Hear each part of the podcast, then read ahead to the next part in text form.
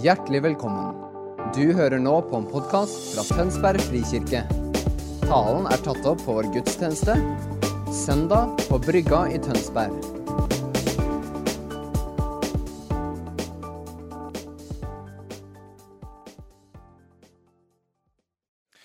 Staben gjør alltid litt narr av meg, for jeg liker særlig Erlend, for jeg liker å sette sånne svulstige titler på ting. Fra død til liv, et aktuelt påskeperspektiv. Det, er, ja, det, det gjør meg godt da, å sette sånne titler på ting. Motivere meg, om ikke annet, så kan dere bare glemme det. Mm. Men jeg kjenner virkelig at, eh, at, Gud har lagt på meg et budskap i dag som jeg har sett fram til å dele. Og som i høyeste grad er et påskeperspektiv. Og det kommer, tror jeg, til å høres litt annerledes ut. Vi får se når vi er ferdige hva dere tenker. Men jeg tror virkelig det er et ord fra Herren sjøl og til oss som menighet for denne tida.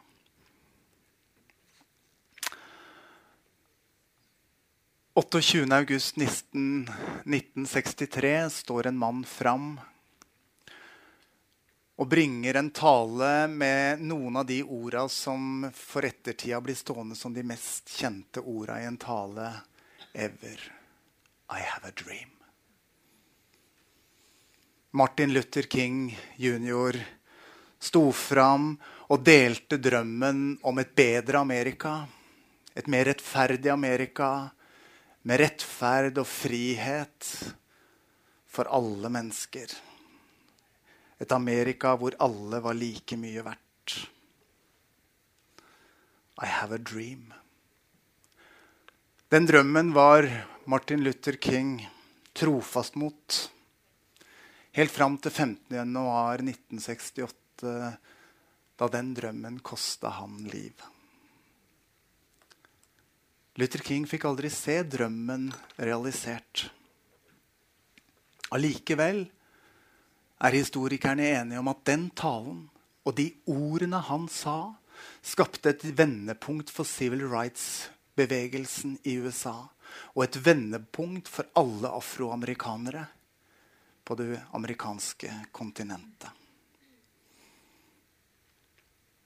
Raskt framover. 2.2.1990 løslates en mann med en stor drøm i hjertet sitt. En drøm han hadde betalt en enorm pris for. 27 år i fengsel for drømmen han trodde på. Drømmen om likhet, kjærlighet og fellesskap. Nelson Mandela kom ut av fengselet og fikk lov til å leve mange år og se drømmen gå i oppfyllelse. Drømmen Gud hadde gitt han i hjertet, fikk lov til å folde seg ut foran ham. Og han står fram som en statsleder prega av nettopp de verdiene han drømte om. Ikke et ord til fordømmelse om den tida som var, og han viser at han lever det han tror på, gjennom til og med å putte noen av sine egne politiske meningsmotstandere inn i den første regjering han får lov til å lede.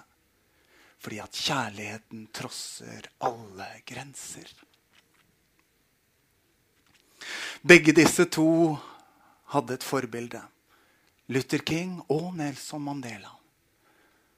Og det er mesteren sjøl. Det er Jesus. Det var Jesus som forma denne drømmen i hjertene deres. Det var Jesus som ga dem den kraft de trengte for å tre fram. Og viljen til å gå, selv om det kosta dem en pris. Det er umenneskelig eller overmenneskelig å sitte 27 år urettmessig i fengsel og likevel komme ut med et budskap om kjærlighet. Hvis ikke det var for Jesus, som fikk lov til å gang etter gang dag etter dag fylle og forvandle hjertet hans. Og forme drømmen i ham. Som han gjennom sine ord og sine handlinger fikk lov til å være med og se ta form. Begge disse karene fikk erfare at forut for oppstandelsens glede og gjennombrudd og seier var det en langfredagsnatt. Den ene bøtte med livet. Den andre mista 27 år gjennom fangenskap. Dere, evangeliets herlighet og kraft og seier bærer også i seg en korsets smerte og en høy pris. Mange har lyst til å ha del i evangeliets kraft og kjærlighet og herlighet. Mange vil gjerne ha del i et happy-clappy evangelium. Som blir på en måte kremtoppen på toppen av et ellers godt liv. Hvor det meste allerede stemmer. Men dere, et happy-clappy evangelium har ikke kraft til forvandling i seg. Det er et kraftløst hurrarop. Men evangeliet, som Jesus Kristus brakte til veie, er et budskap som går gjennom død, gjennom lidelse, som går via korset og til oppstandelse for å vinne liv. For å vinne liv. For oss og for alle som følger ham. Og det fins ingen oppstandelsesglede forut for korsets smerte. I Jesu liv.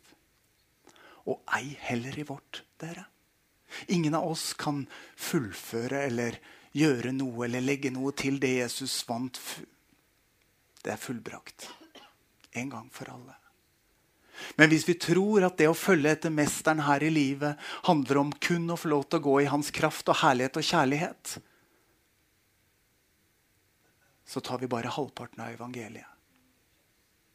Det er et større bilde. Palmesøndag dere er dagen hvor Jesus hylles. Og vi har hylla ham gjennom lovprisning og gjennom relativt kreativ palmebrus. hva? I begynnelsen. Og Jesus tar imot hyllesten på palmesøndag. Enda han vet at om få dager vil mange av de samme stå i hyllekoret som roper korsfest. Enda han vet at det ligger en Getsemane-kamp hvor blodet kommer til å dryppe. Og en langfredags smerte som ligger rett foran han. Og allikevel så går han i troskap mot det oppdraget han har fått og med hver og en av oss på sin netthinne. Det blir veldig personifisert. Men det er i sannhet det det er.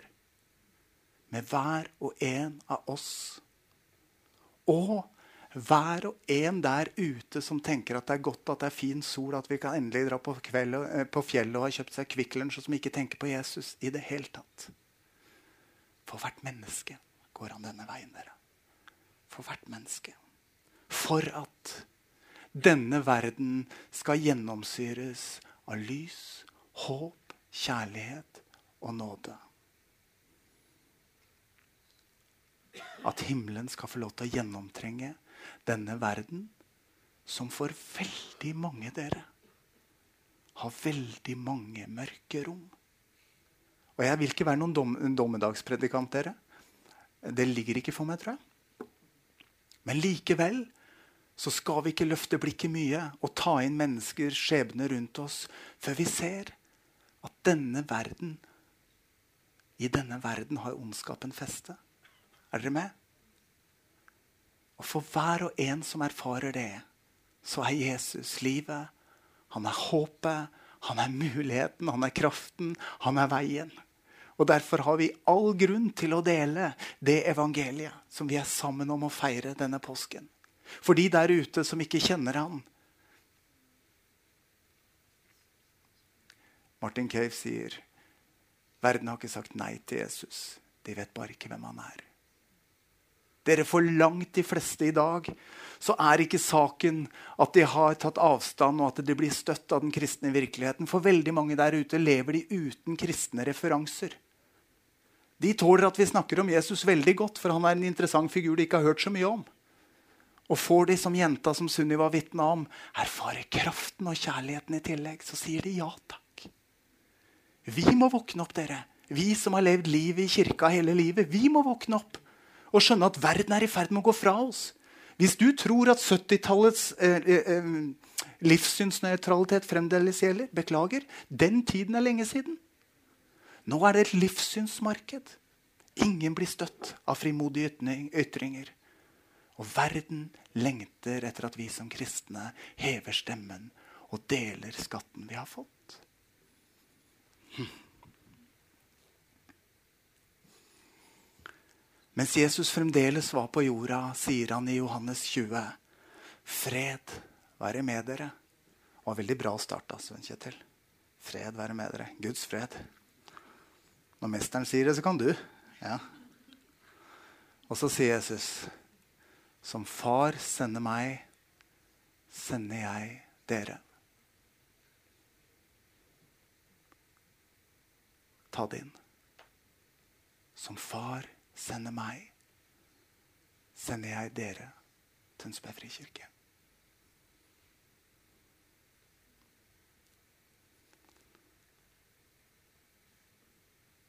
Og dette er på andre sida av korset. Det er fullbrakt. Så hva sendes vi med? Vi sendes med evangeliet, med budskapet om håp, om frihet, om oppreisning, om nåde, om tilgivelse og kjærlighet. Ut i en verden som desperat lengter etter det. Som far sender meg, sender jeg dere. Jesus rekker stafettpinnen til oss her i påska i 2019, og så sier han vil du løpe med det gode budskapet? Vil du løpe med kraften og kjærligheten? Med håpet om tilgivelse for ditt nabolag, for de gate, for din arbeidsplass, for dine skolekamerater, for din menighet og for din, vår by. Vil du løpe med evangeliet? Akkurat som for Martin Luther King og Nelson Mandela så lover heller ikke Jesus oss at det ikke har en kostnad.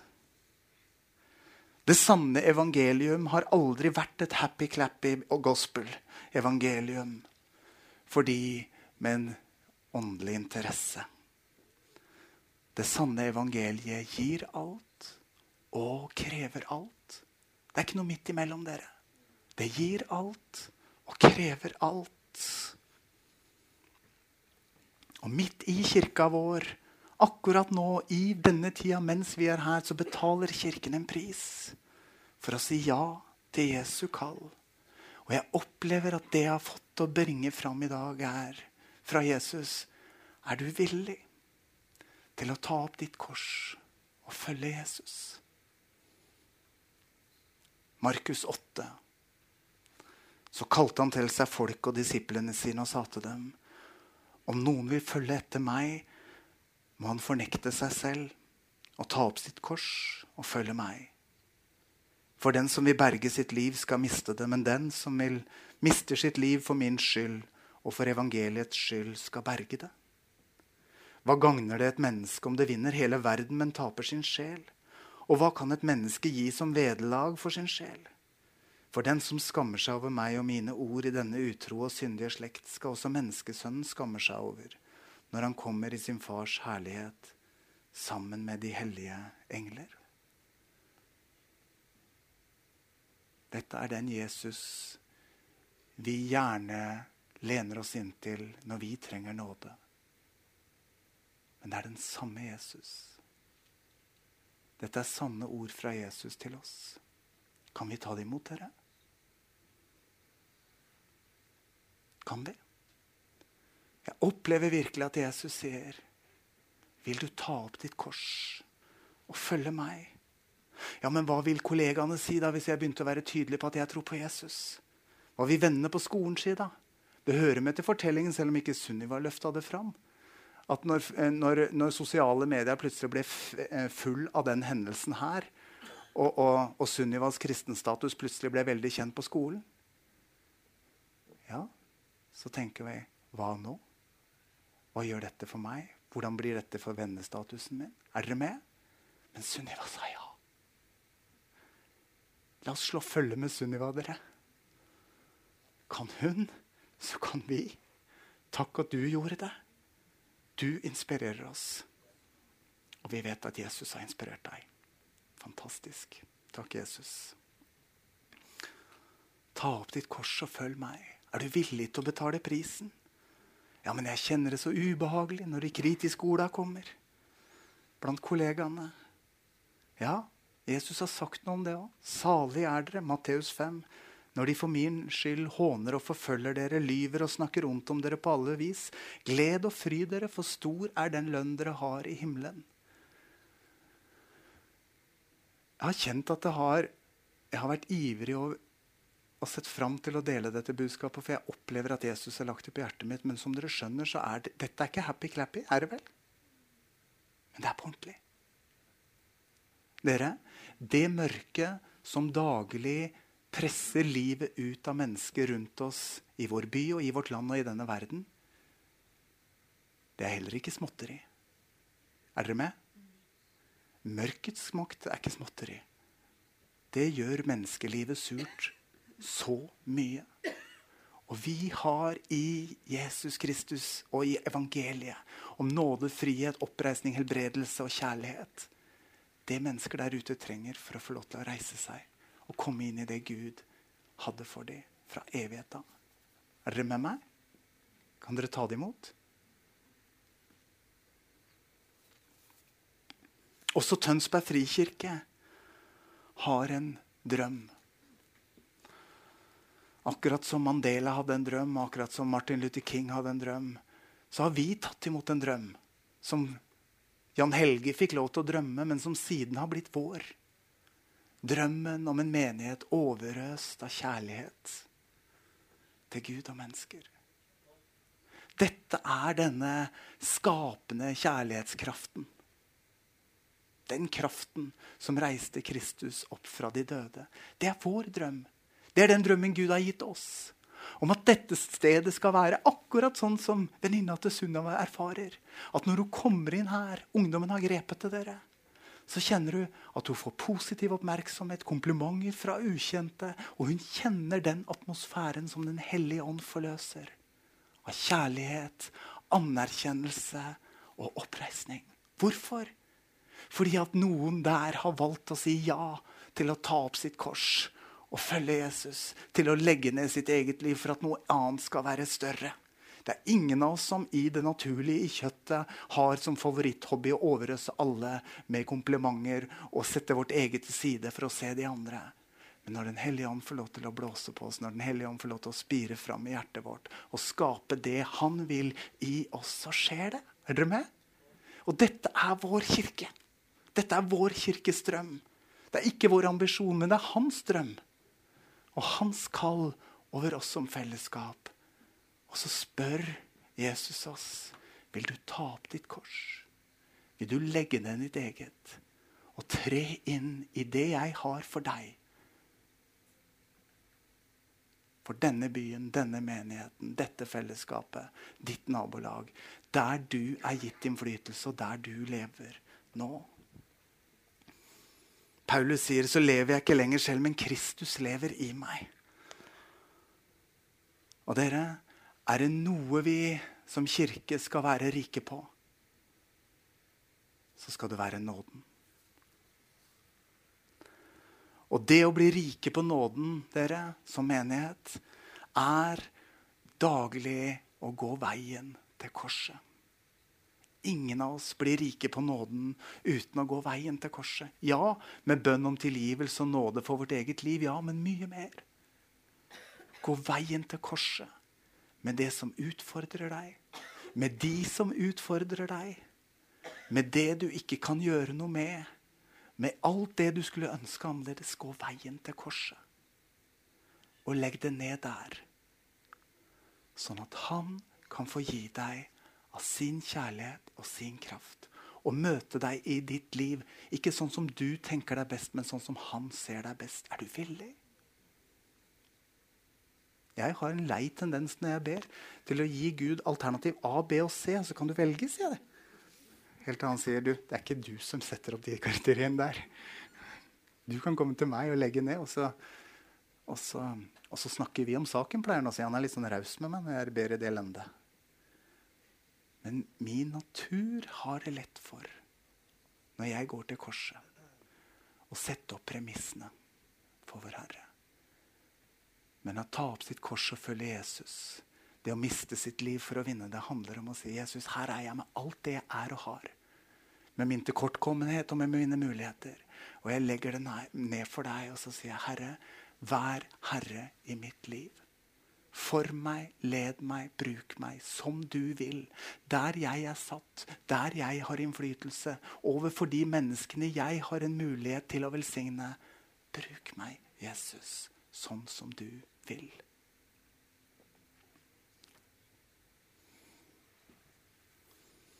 På hvilken måte hver og en av oss skal gjøre dette, ja, det er ulikt. Men hjemme hos oss nå har jeg både Marte og, Bendik, eh, og Mathias i salen. Det mangler bare Bendik. Det er påske, vet du. Det er familietid. Det er godt. Men hjemme hos oss så lærte vi alltid at dette her er tilgivelsesbønnen. Unnskyld. Når ungene var små og de hadde krasja litt, det, det hendte jo av og til, så var det lett å si 'unnskyld', da. Er det noen som har hørt det i sin egen familie? Ja. Da måtte vi jobbe litt med at nei, unnskyld, det betyr tre ting. Jeg er lei, jeg er lei meg. Kan du tilgi meg? Og jeg skal gjøre alt jeg kan for ikke å gjøre det igjen. Dere, nåde og tilgivelse, å bli rik i nåden, handler også om å leve et liv i omvendelse. Tilgivelse uten omvendelse er et fattig budskap. Hvis vi fortsetter å gå samme vei som er gærne vei, og be om tilgivelse hele veien på veien, så får vi tilgivelsen, men det endrer ikke livet ditt. Tro meg, det ender ikke bra. Tilgivelse og omvendelse hører sammen.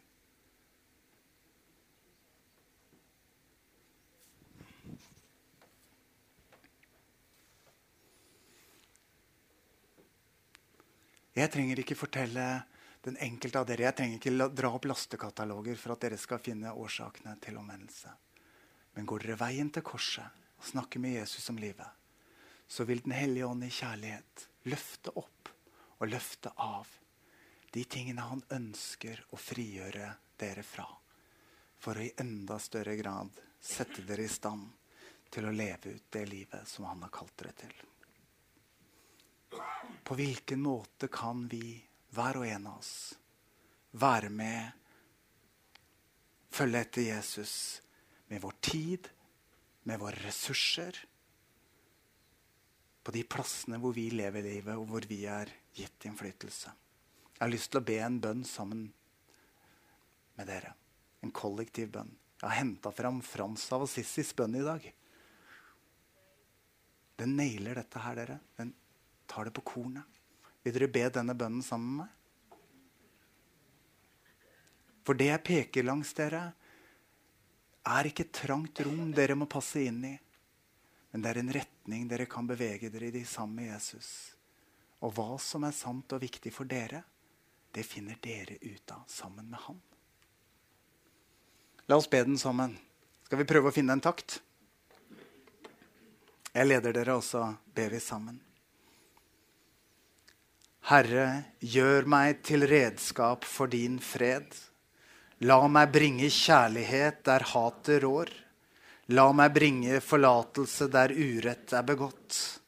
La meg skape enighet der uenighet rår. La meg bringe tro der tvilen rår. La meg bringe sannhet der villfarelse rår. La meg bringe lys der mørket ruger. La meg bringe glede der sorg og tyngsel rår. Å, Mester, la meg ikke søke så meget å bli trøstet som å trøste.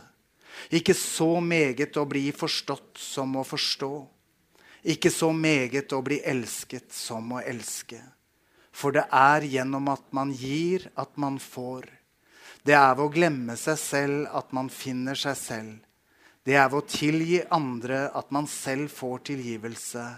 Og det er ved å dø at man oppstår til det evige liv. Amen. Amen.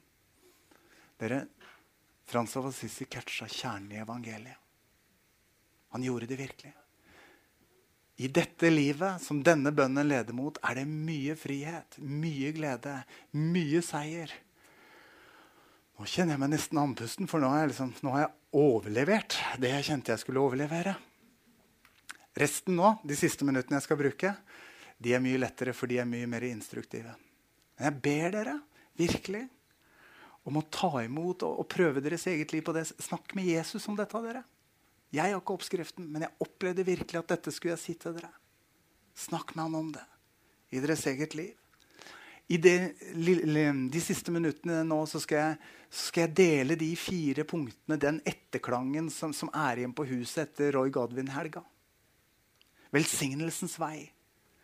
Som er en veldig konkret mulighet for oss til å tre inn i og handle for å forløse evangeliet på de plassene hvor vi har innflytelse. Velsignelsens vei i fire steg. Og De av dere som, som, er i en vekstgruppe, kommer til å få det der. De av dere som får prekenmanuset, får det der. Det kommer opp her, og det ligger på podkasten. Har du ingen av de kanalene, så kan du allikevel få det tilsendt. hvis du har lyst til å bruke det. Fire konkrete handlingsmuligheter for å begynne å gå velsignelsens vei, som handler om å forløse evangeliet over mennesker og sammenhenger. Helt konkret. For dere, det å leve som etterfølgere av Jesus og ta opp korset vårt og følge Han, det handler om handling. Vi kan tro all verdens, men uten handling skjer det lite. Og Guds ord sier, 'Dere har ikke fordi dere ikke ber'. Tenk hvor mye mer vi kunne få løst hvis vi begynte å be. Og det er det velsignelsens vei handler om. Den er ikke krevende, den er ikke vanskelig. Og vi hørte i vitnesbyrdet fra Sunniva jeg skal komme tilbake til det, femmeren har allerede begynt å spre velsignelse på huset. Så heng med meg. For dere, påskedramaet, som er overskriften over det jeg prøver å formidle til dere nå, pågår fremdeles. Kampen mellom det gode og det vonde står over mennesker fremdeles, og vi har et kall til å forløse evangeliet. Lyset, håpet, kjærligheten og nåden over mennesker. Og Jesus sier altså som far har sendt meg, sender jeg dere. Dere, Salme 129 lærer oss at det å forbanne er å ikke velsigne. Vi har tenkt at det å forbanne er å snakke stygt og snakke ned og snakke bort. holdt jeg på sagt. Men Salme 129 sier at som Guds folk så skal det være vår bevegelse å velsigne. Gud velsigne deg. Jeg velsigner deg i Herrens navn. Når dere møter mennesker, la bønnen gå i deres indre. Gud velsigne deg. Jeg velsigner deg i Jesu navn. Og når vi holder den bønnen tilbake, så forbanner vi, sier Salme 129. Og dette, dere, Når Roy Godwin forkynner dette, så merker jeg at dette må vi ta på alvor. Det holder ikke å holde seg nøytral hvis vi ikke som Guds folk velsigner så fratar vi dem velsignelse, og det regner Guds ord som forbannelse. Det er ganske utfordrende. Men det er noen fantastisk nydelige frukter i vårt eget liv også, når vi velger velsignelsens vei. Vi er kalt til å velsigne. Og Derfor skal vi vokte oss vel for å bruke orda våre og handlingene våre på en sånn måte at det bringer død istedenfor liv Påskebudskapet er budskap om liv ut i dødens verden. Da må ikke Guds folk bruke tungen til død. Kjære Tønsberg frikirke. Kjære fellesskap som jeg er en del av. Dette er jeg også forplikta på. Hvis vi skal gå med evangeliet om liv, la oss ikke bruke tungen til død. Av og til er vi i settinger også hvor ingen vonde ord sies, men vi merker understatements i samtalen som gjør at vi skjønner at dette er ikke rent oppbyggelig. Er det noen som har vært i en sånn setting noen gang? Ja da, vi har vært alle sammen. Dere, hvis Guds folk forløser død, hvem skal da bringe liv? Hvem skal da bringe liv? Hvis Guds folk bruker tungen til død, hvem skal da bringe liv? Hvilket redskap har vi til å bringe liv i hovedsak? Vi har ordene våre, og vi har handlingene våre. La oss sørge for at vi innretter livet vårt i lydighet mot Jesus. Så vi bringer liv og ikke død. Hederskultur, som vi har lært oss, handler om nettopp å velsigne og tale det gode, tale tro og håp og mot. Gjenkjenne det som ligger av Guds visjon og Guds gaver og Guds kall over mennesker. Og tale det ut og gi kraft til det og velsigne. Hvis du er av de som liker å finne, leke Finn fem feil-leken i møte med alle mennesker og arbeidsplasser, finn deg en tegneserie. Slutt å gjøre på ordentlig, for det er forbannelse. Vær så snill, dere. Jeg mener det på ordentlig. Hvis du hele tiden leker 'finn fem feil'-leken, så kan det hende du har noe undertrykt i deg. Gå til sjelesorg. Geir er på samtalesenteret. Oi, den kom veldig krast ut. Men jeg mener det. Det er ikke en menneskerett å si det som det er. Du er ansvarlig for ordene du bruker. Om du velger å bruke tungen til død eller til liv. Påskebudskapet er budskapet om liv inn i dødens verden. La oss sikre oss, dere at vi går til korset og sier, 'Kjære Jesus, se nåde til meg.' La meg være rik på nåden og gi meg å være den som forløser velsignelse. Er dere med? Dette er så viktig. Dette er så viktig. Så hvis du kjenner deg igjen at ja, det kan fort gli over i den negative leia Som en bror til en annen bror eller søster Vend deg om i Jesu navn. Gå til Jesus med det.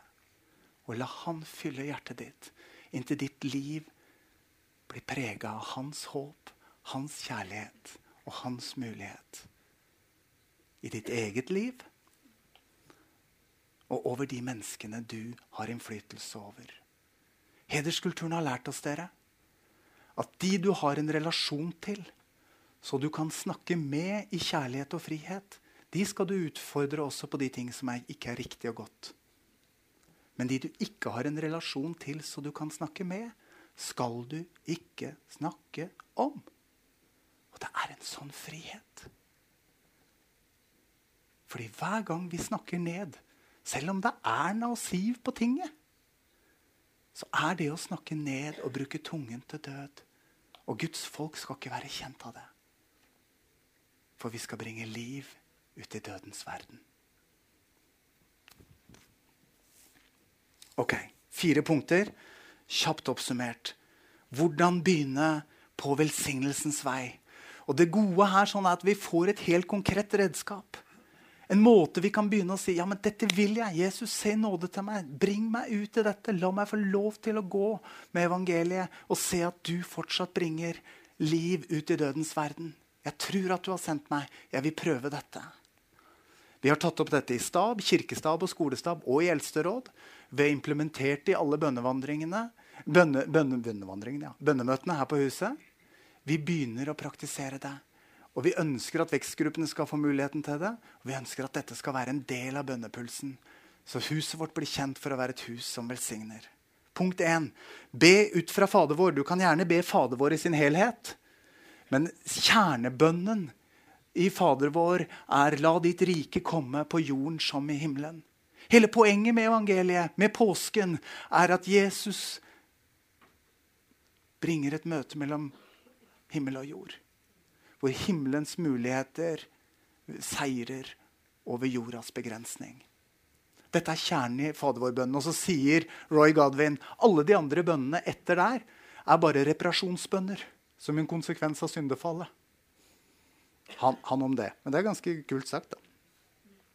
Dere, be Fader vår over din familie, over ditt eget liv, over ditt eget ekteskap hvis du er gift, over arbeidsplassen din, over den sjefen du liker, og den sjefen du ikke liker, over klassen din.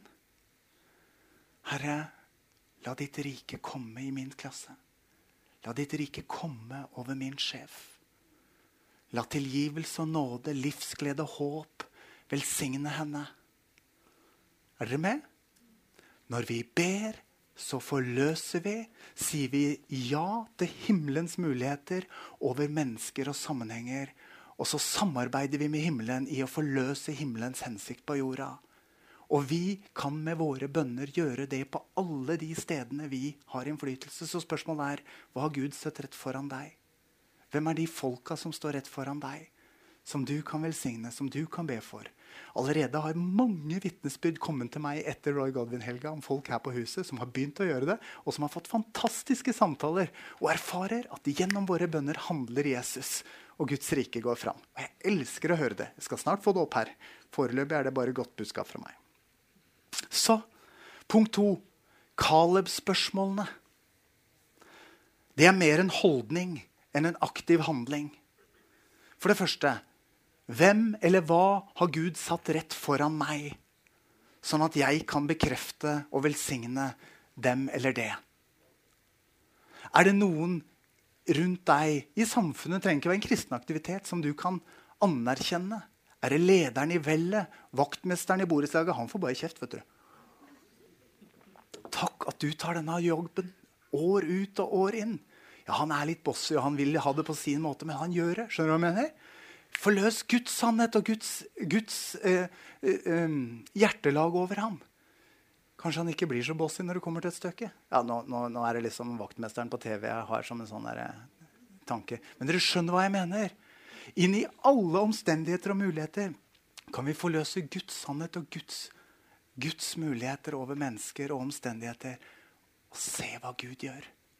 Det gjør noe med hjertene våre, og vi blir oppmerksomme. Jeg har sett med en av naboene mine eh, etter jeg begynte med dette. Plutselig begynner han å lete opp blikket mitt. vet du. Ordentlig. Og mer kan jeg ikke si her, for dette går ut på lufta. Og det er hemmelig hvem av dem det er, så nå kan hele Blåvingeveien lure på hvem nabo er dette. Men velsignelse gjør noe. Velsignelse skaper, for Gud er den skapende Gud. Hvem kan du vise barmhjertighet? Hvem trenger en porsjon godhet? Hvem trenger en porsjon omsorg i dine omgivelser? Du trenger ikke reise til andre enden av jorda på misjonstur. Hvem har Gud satt foran deg? I gata, på arbeidsplassen, på skolen? Som du kan vise barmhjertighet. Og så også hvem har Gud satt foran meg som jeg kan dele evangeliet med? Når Sunniva fikk spørsmålet du ser ikke ut som du har noen problemer, du, for det skinner i øya dine. Så hadde ikke hun trengt å si ja, men jeg har en pappa i himmelen som er glad i meg. Men hun sa det. Hun kledde det i ord. Og Gud fikk virke gjennom de orda til frelse for en jente. Dere, som far sender meg, sender jeg dere. Vær frimodig. Tal ut det hjertet er fylt av. Det er mennesker her som lengter etter å høre det.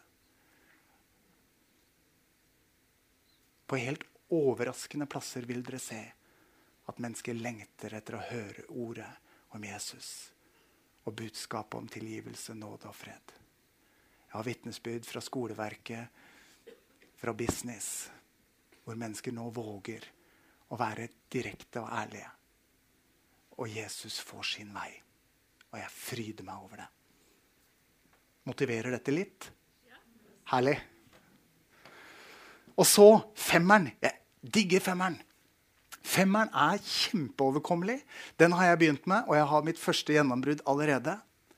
Femmeren eh, har vi satt av eh, fem minutter i alle bønnetimene her på huset til å praktisere. Og det er rett og slett fem enkeltpersoner eller familier eller ektepar eller hva det enn måtte være for slags fellesskap du velger å velsigne, som du ber for fem minutter om dagen.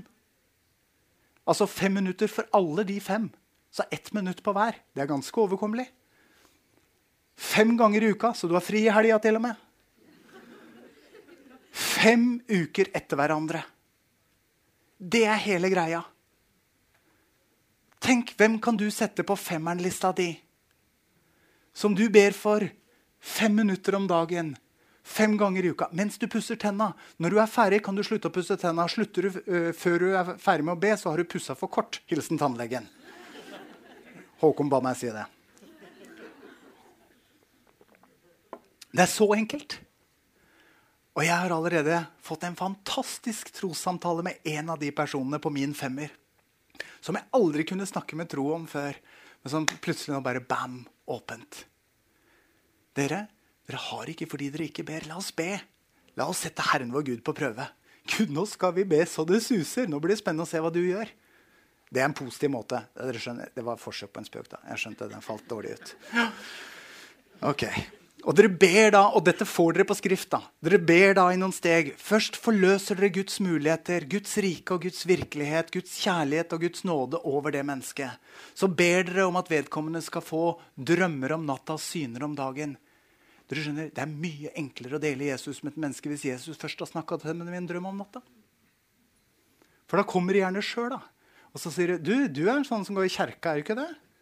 Jo, de har fått en sånn rar drøm. Skjønner du? Snakk om å plukke moden frukt, da. Og er, hvorfor skal vi gjøre det så vanskelig for oss sjøl? Hvis vi ber femmeren, så er det jo som å bli satt opp for suksess. Jesus gjør hele jobben, og vi får tjenesten. Ja, det er nesten for godt til å være sant. Og så be til slutt om at de personene du ber for, skal få gudegitte møter med andre kristne som kan lede dem hjem til Jesus. Har dere lyst til å prøve det? Dere får det ut på skrift. Jeg, jeg syns det er kjempebra. Og jeg elsker de eh, vitnesbyrda jeg allerede har hørt. Og etter fem uker så tar du en liten evaluering. Hvis det er noen av de fem som du kjenner deg ordentlig tungt å be for, og det vil du kjenne i din ånd, for Gud er i dette, selv om det er så enkelt, så setter du noen av de på hold, og så putter du noen andre inn isteden.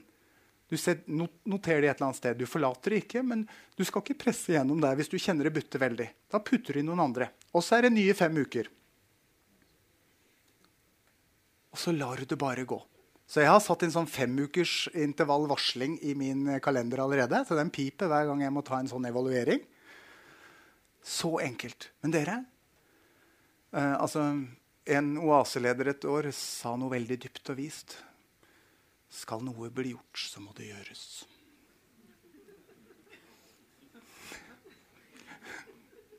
Men det er faktisk helt sant. Hvis vi ønsker å samarbeide med Gud på denne måten, så må vi faktisk gjøre det. Og fem minutter om dagen mens vi pusser tenner, det klarer vi.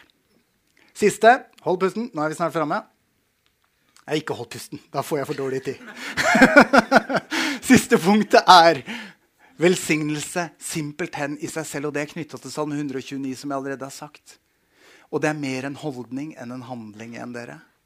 At vi overfor alle omstendigheter, både de som er utfordrende, de som er gode, velger velsignelsens vei. Gud velsigne deg, og så jeg velsigner deg i Jesu navn. Og Det er viktig begge deler, for vi kan godt be Gud velsigne på, på, på, på brei front. Men i det vi ber den andre bønnen også 'Jeg velsigner deg' i Jesu navn, så får evangeliet kropp. Guds vilje, Guds plan og hensikt tar bolig i deg. Og du samarbeider med Jesus i å tale velsignelse ut. Ser dere hvor viktig det er? Ikke bare Gud velsigne, men jeg velsigner deg i Jesu navn. Og det å begynne å leve med velsignelsen som vår rytme som vår måte å møte virkeligheten på. Jeg har sagt det til staben, og de har sagt du må ikke si det på prekestolen, men nå gjør jeg det. Jeg gleder meg til det blir sånn i Tønsberg frikirke. At det er like pinlig å si et nedlatende, nedsettende, baksnakkende ord som å slippe en fis i offentlighet. Og det er litt flaut. Ja, jeg mener det. Jeg mener det. Fordi at Guds folk skal være kjent med at de bringer liv og ikke død. Er dere med meg, kirke? Jeg har henta fram Jeg vil at dette bare skal lande sånn som dere ønsker at det skal lande. Sånn som dere kjenner at Den hellige ånd har bevirka det jeg har delt i deres hjerter. Men jeg har henta fram en salme. Så I dag har jeg vært sånn klassisk kirkelig. Både Frans av Assisis bønn, og nå kommer det en salme en, eh, en salme som er, eh, som er, eh, mye brukt i brylluper. Men hør på teksten eh, i denne salmen eh, 'Å leve av det er å elske'. Tredje verset. Å leve, det er å legge all urett og løgn i grav. Å leve, det er som havet og spegla Guds himmel av. Herre Jesus, må du gi oss nåde denne påska og i tida som kommer, til å få speile din himmel. Må du lande i oss med din nåde og med din kjærlighet. Og gjøre våre liv til en duft av din kjærlighet. Velsign oss, Herre så vi kan være til velsignelse der du har satt oss. Amen.